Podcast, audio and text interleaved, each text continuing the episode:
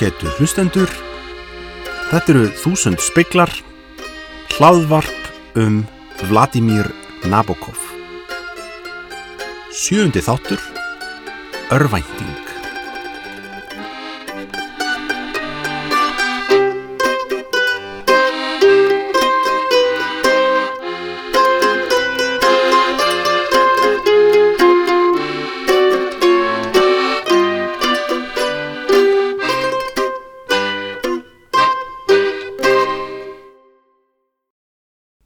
Það voru blikur á lofti í þýsku samfélagi árið 1932.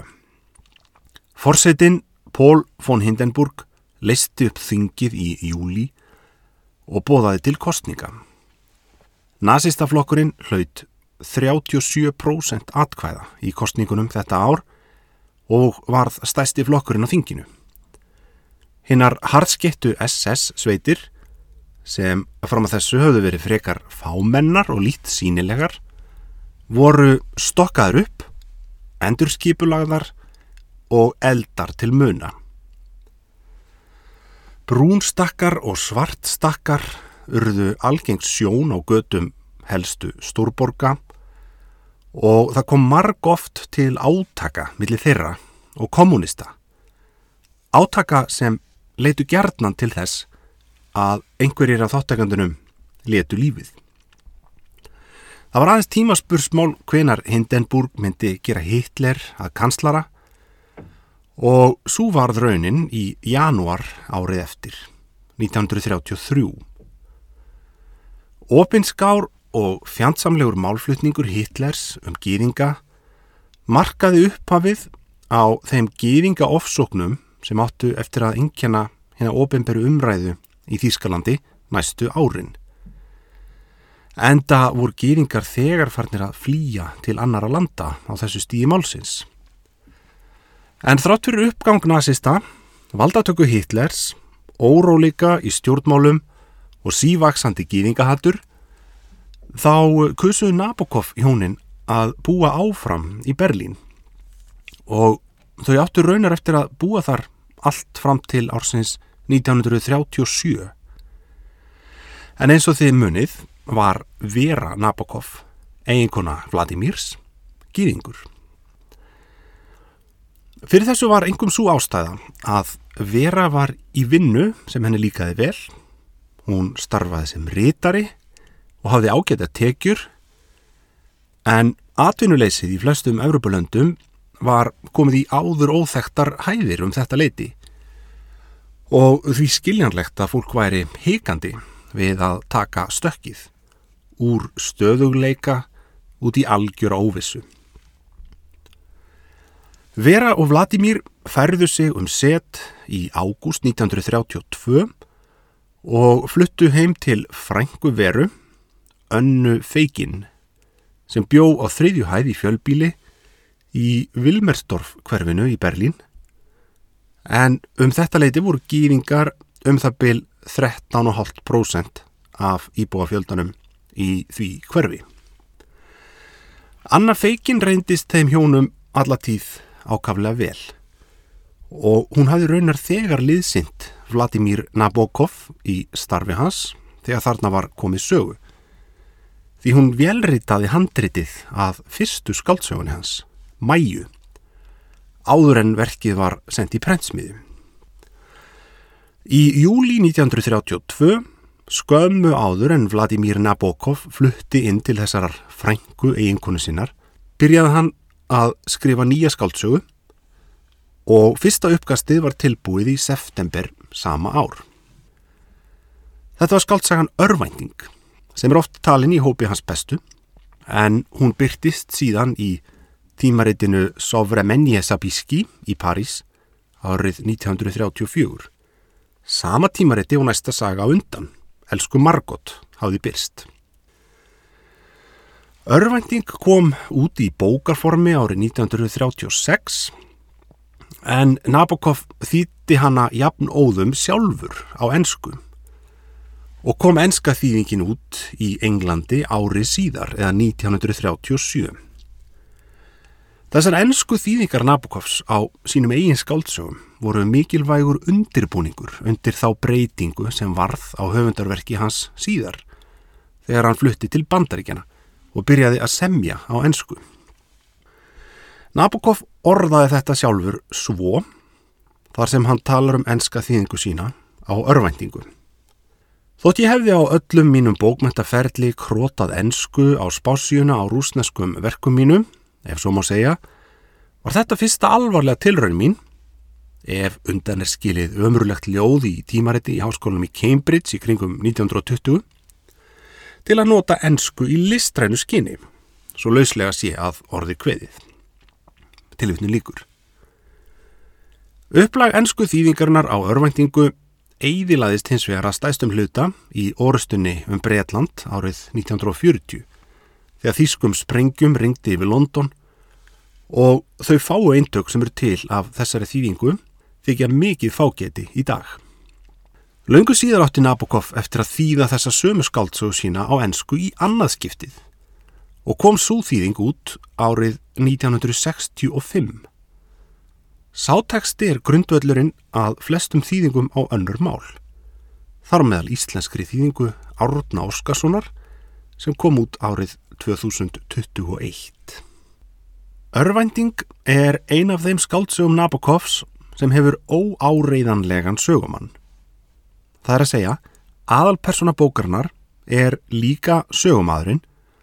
Hann lýsir því sem fyrir ber og leggur mata á atbyrðina en Þetta mat er takmarkað og ófullkomið, hvort sem sögumadurinn gerir sér sjálfur grein fyrir því eða ekki.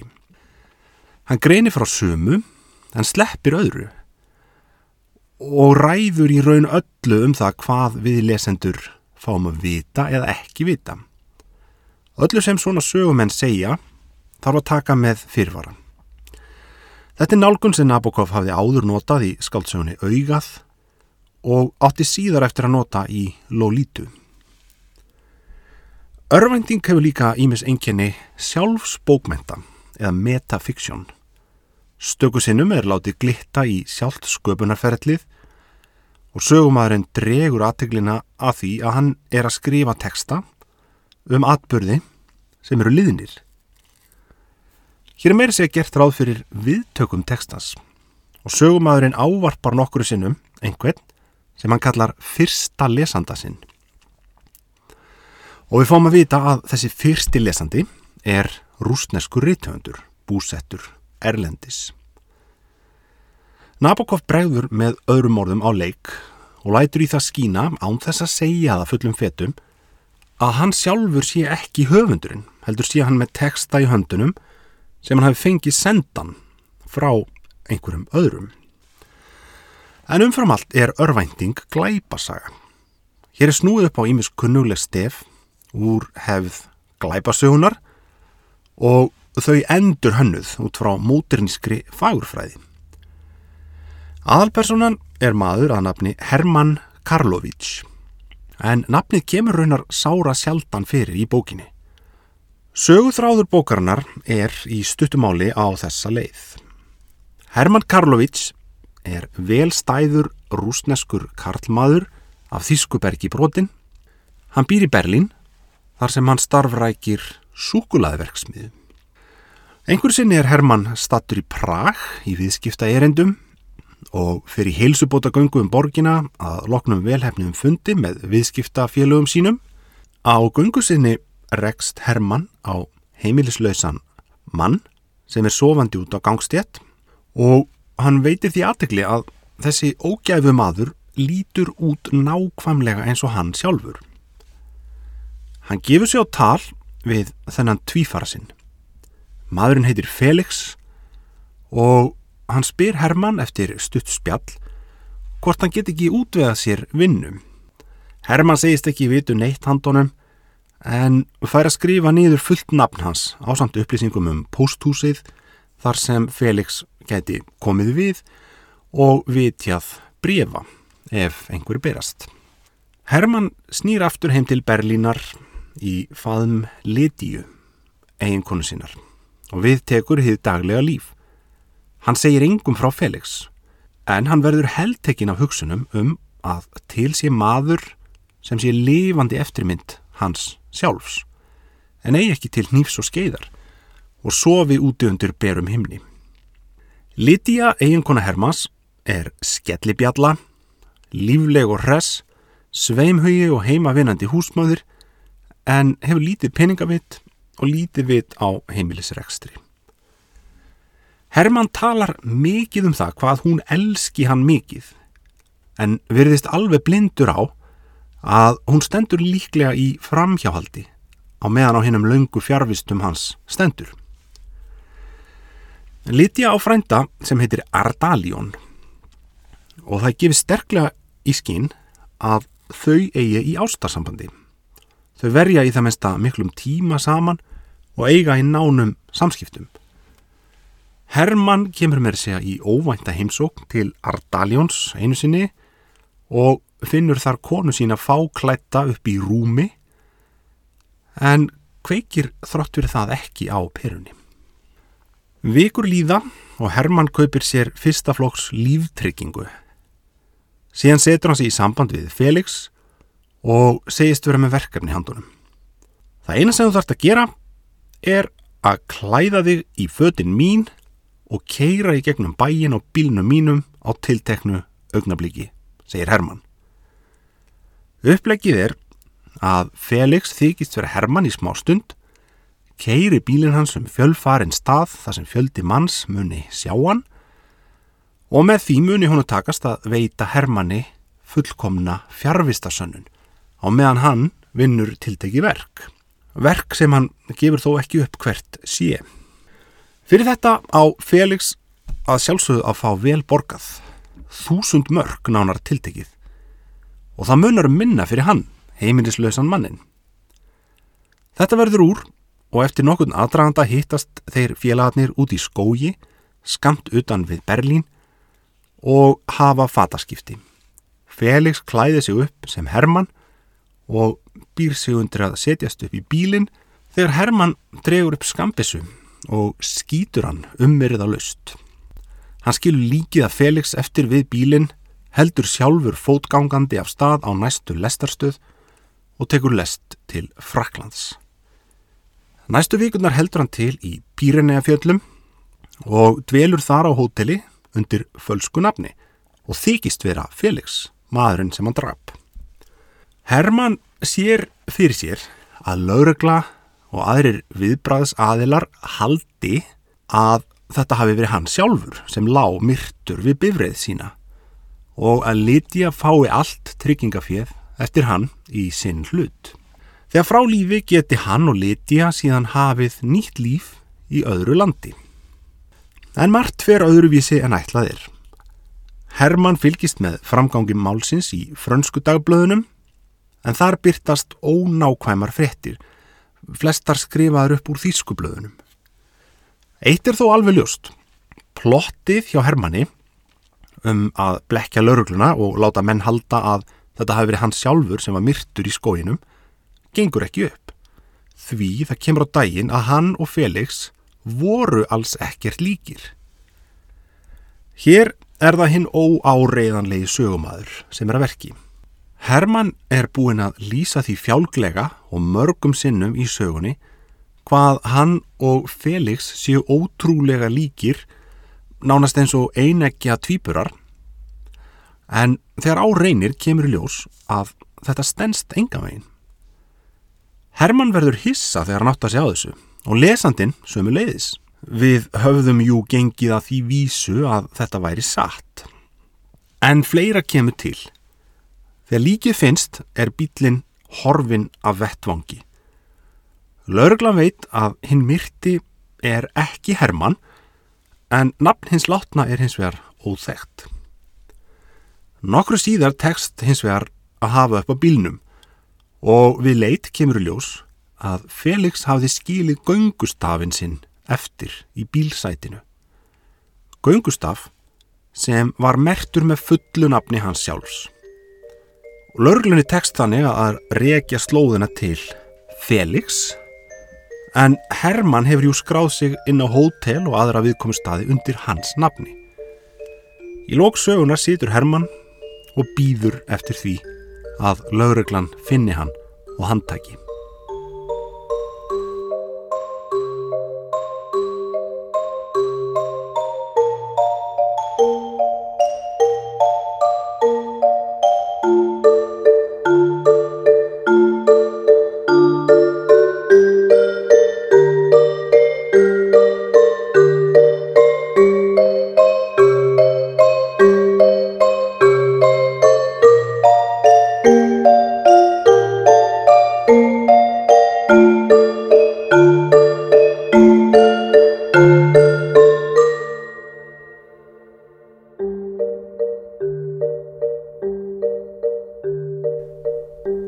Það er eitt og annað aðtugavert við áætlunina sem Herman Karlovits hugsar upp og framkvæmir í skáldsögunni Örvænting.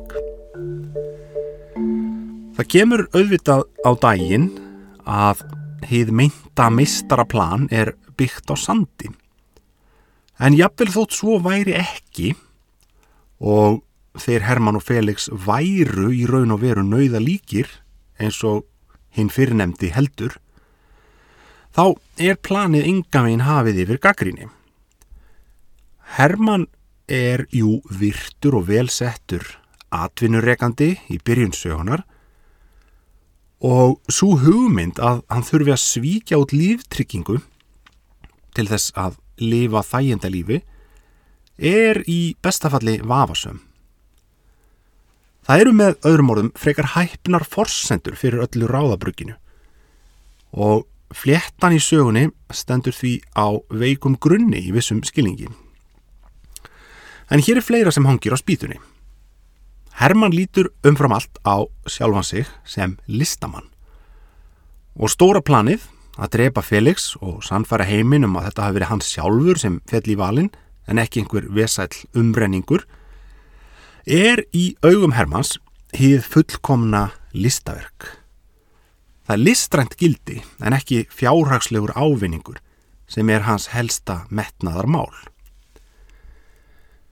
Þessi kreatífa nálgun á ódæðisverkið setur skáldsöguna örvæntingu í samband við eitt mesta stórvirkið í rústneskum bókmyndum en það er að sjálfsögðu skaldsagan Glæpur og refsing eftir Dostojevski.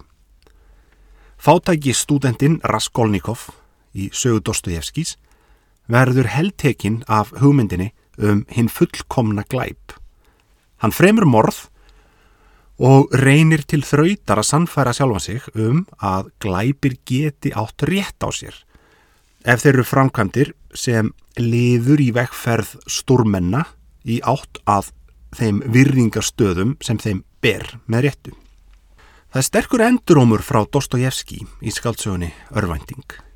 Herman vísar til hans beint og ber sitt verk saman við bækundar hans og Nabokov hugleiti meira að segja að láta bókina heita Minnisblöð svindlara með beitni skýrskotun í titil skaldsögunar Minnisblöð úr undirdjúpunum nánast eins og til að nikja á þessum tengslum. Nabokov var að vísu lítill aðdándi Dostojevskis. Fannst hann ofmetinn væluskjóða og ynga veginn á pari við mistara eins og Turgenev, Tolstói og Gogol, hvað þá Puskin. Herman Karlovits lýsir listaverki sínu með svofeldum hætti í örvæntingu, hér í þýðingu Árna Óskarssonar.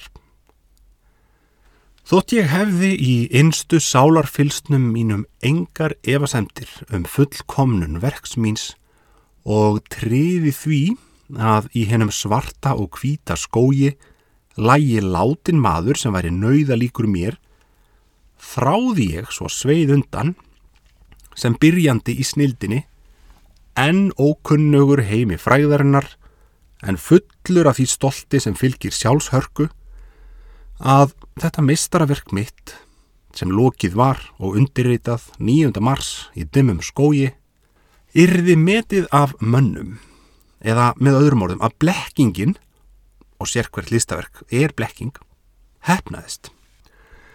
Hvað snertir höfundalaunin, ef svo má segja, sem tryggingafélagið greiti, voru þau í huga mér aukaðatriði. Ójá, ég var hinn óspjallaði listamaður, sagna skálskaparins. Tilvitnin líkur. En það er fleira sem kemur til þegar við hugsaum um forsendur glæpsins og þá kvata sem búa að baki þegar Hermann ákveður að hrinda hugmynd sinni í framkvæmt.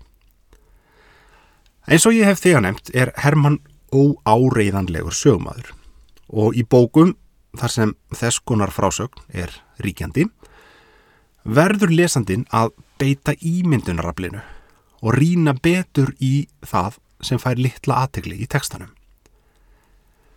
Hinn augljósi valkostur í þessari skaldsögu er að skoða betur Lítiu, eiginkonu Hermas og Ardalion, mannin sem hún á líklega í leinilegu ástasambandi við. Herman sínir þessu framhjáhaldi eiginkonu sinnar engan áhuga, kannski vegna þess að hann tekur ekki eftir því og kannski vegna þess að hann er of upptekin af sjálfum sér og sínum eigin snildarlegu hugdettum til þess að hafa sans á að hugsa um aðtapnir og ákvarðanir annars fólks. En hér vantar eitt í söguna. Ardaljón, elskhauji Litíu og eiginlegur staðgengil Hermanns á sviði engalífsins í þeim skilningi er listmálari. Hann hefur helgað lífsitt listrætni tjáningu og sköpun og þegar Hermann byrjar að lýsa sjálfum sér sem listamanni og fyrir hugуðu morði sem hennu fullkomna listaverki hlýtur svo spurning að vakna hvort hann lítur á sig sem keppinaut Ardaljóns.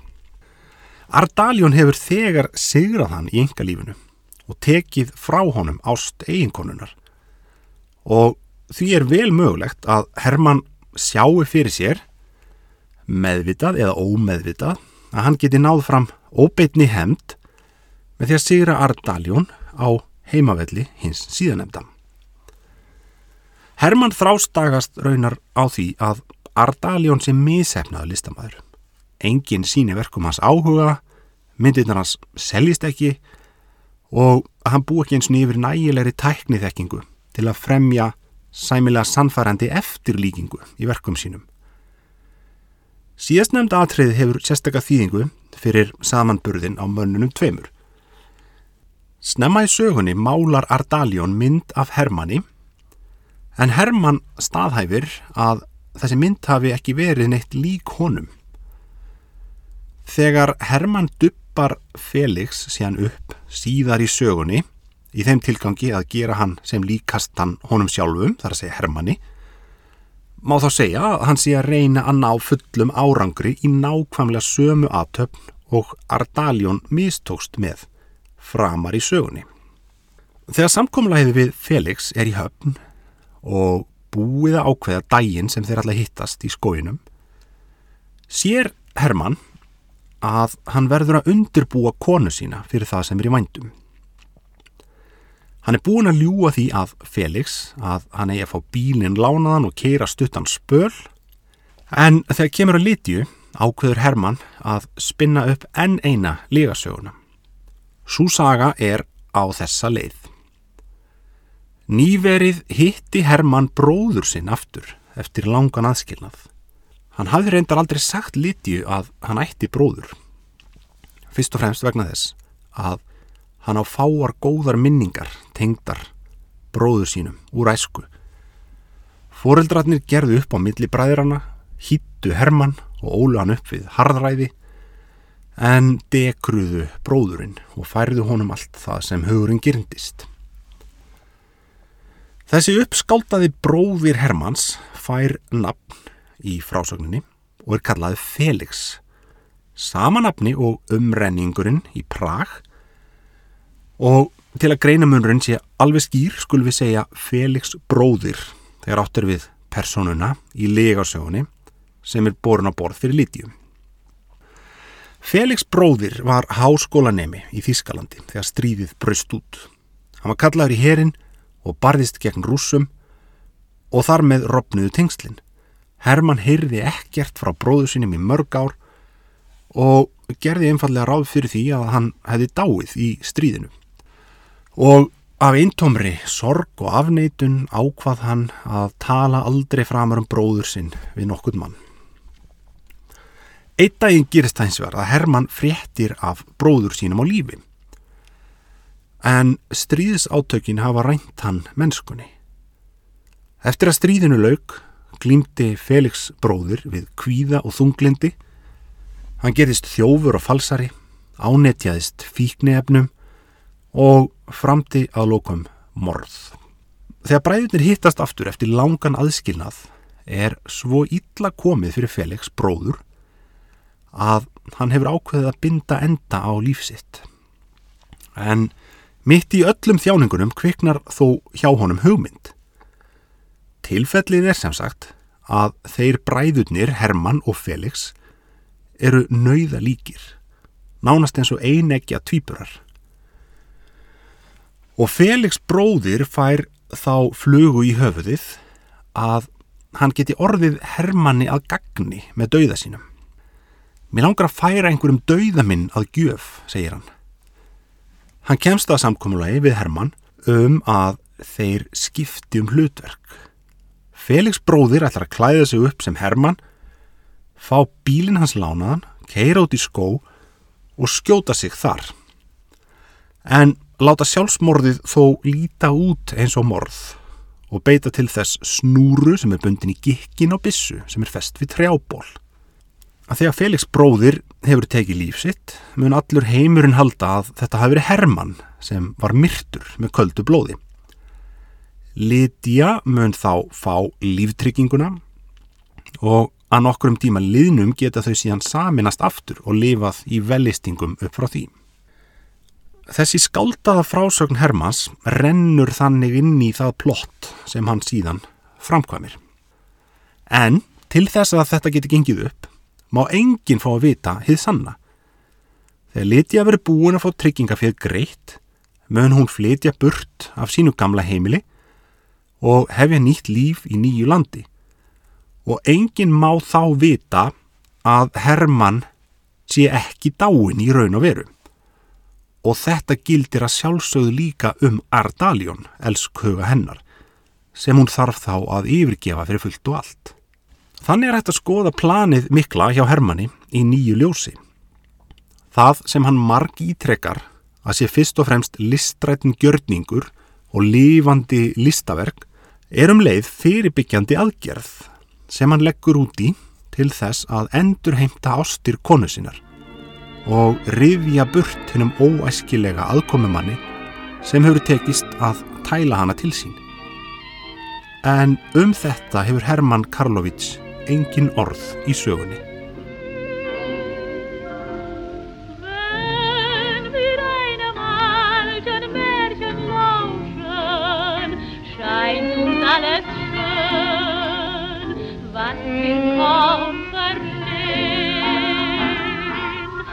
Heute möchte ich mit keinem mehr